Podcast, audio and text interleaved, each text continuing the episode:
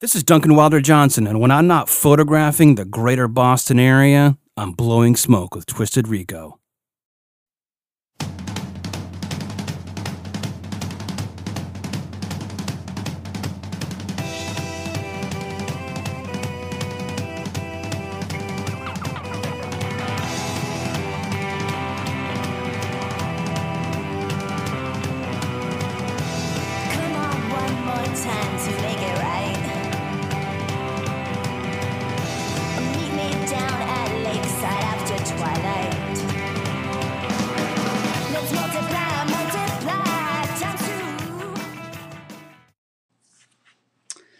Welcome to Blowing Smoke with Twisted Rico. I'm your host, Steve Ricardo. These are strange times we are in, and if this episode sounds strange, it's because I'm recording it myself on my MacBook without my engineer Herb. it's something I have to do to try to um, keep myself from not losing my mind as I try to stay home and away from people and get through this insane period in our lives. Um, I had planned on going to New Alliance uh, yesterday and doing my show, as I always do, but I was urged by a close friend to stay away for a little while. Um, she won the conversation, so here I am, sitting here in Worcester, Massachusetts, in my apartment, recording all alone. Uh, it's different. Um, I'm happy to say, though, that my friends uh, Mel Letterman, Jessica Jarver, and Michelle Wan, and of course Michelle's dog Chewy, are all going to be doing my next show with me. Since it's a hard time to line up guests amidst all this uncertainty, I can't say when that's going to be, but uh, definitely am excited about it. Uh, I'm going to talk about a couple different things, but it's kind of hard to avoid what's going on um, in the world right now.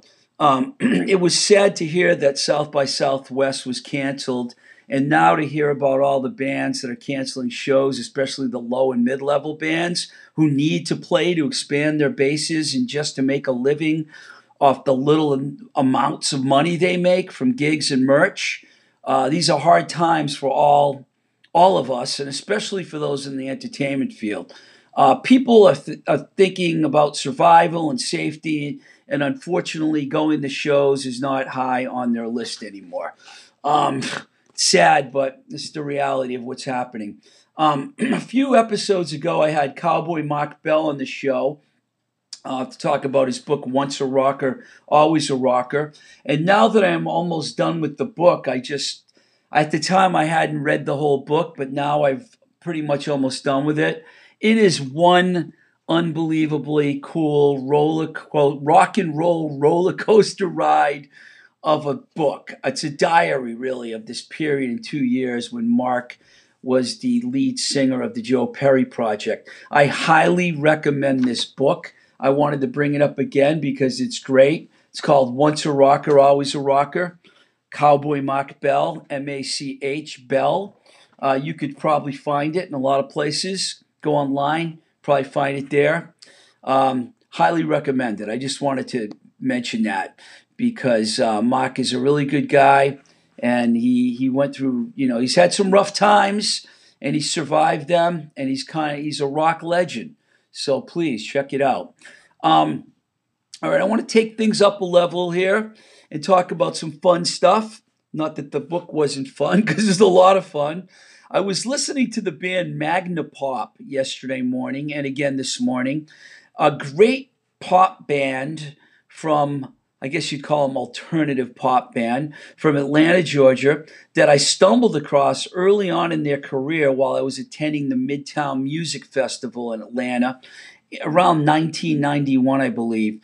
It was one of those love at first sight and listen experiences that I have occasionally had with bands over the years. More than just occasionally, I fell I fell in love with a lot of bands over the years, many which I ended up working with. I never had the pleasure to work with Magnapop, although I wish I had. Um, when I first heard Linda Hopper's voice and Ruthie Morris's guitar, I was blown away and became a huge fan of the band. They were everything I liked in a band cool, catchy tunes, edgy vocals and guitar, and a really strong rhythm section. Now they have a total of six releases out, all but two that I would highly recommend. All good, but two that I would highly recommend. Uh, 1994's Hot Boxing, which was recorded by Husker Du's Bob Mould, and 1996's Rubbing Doesn't Help, which includes the brilliant track Open the Door, recorded by Geza X. Those records are two of the best records to emerge from the 90s decade, and they come highly recommended from, from yours truly. I mean, I mean, really great records. Uh, they're, all their records are great, but I wanted to mention those two. The band went on a long hiatus from the mid 90s till about 2005 uh, when they came back with the album Mouthfeel. They were touring and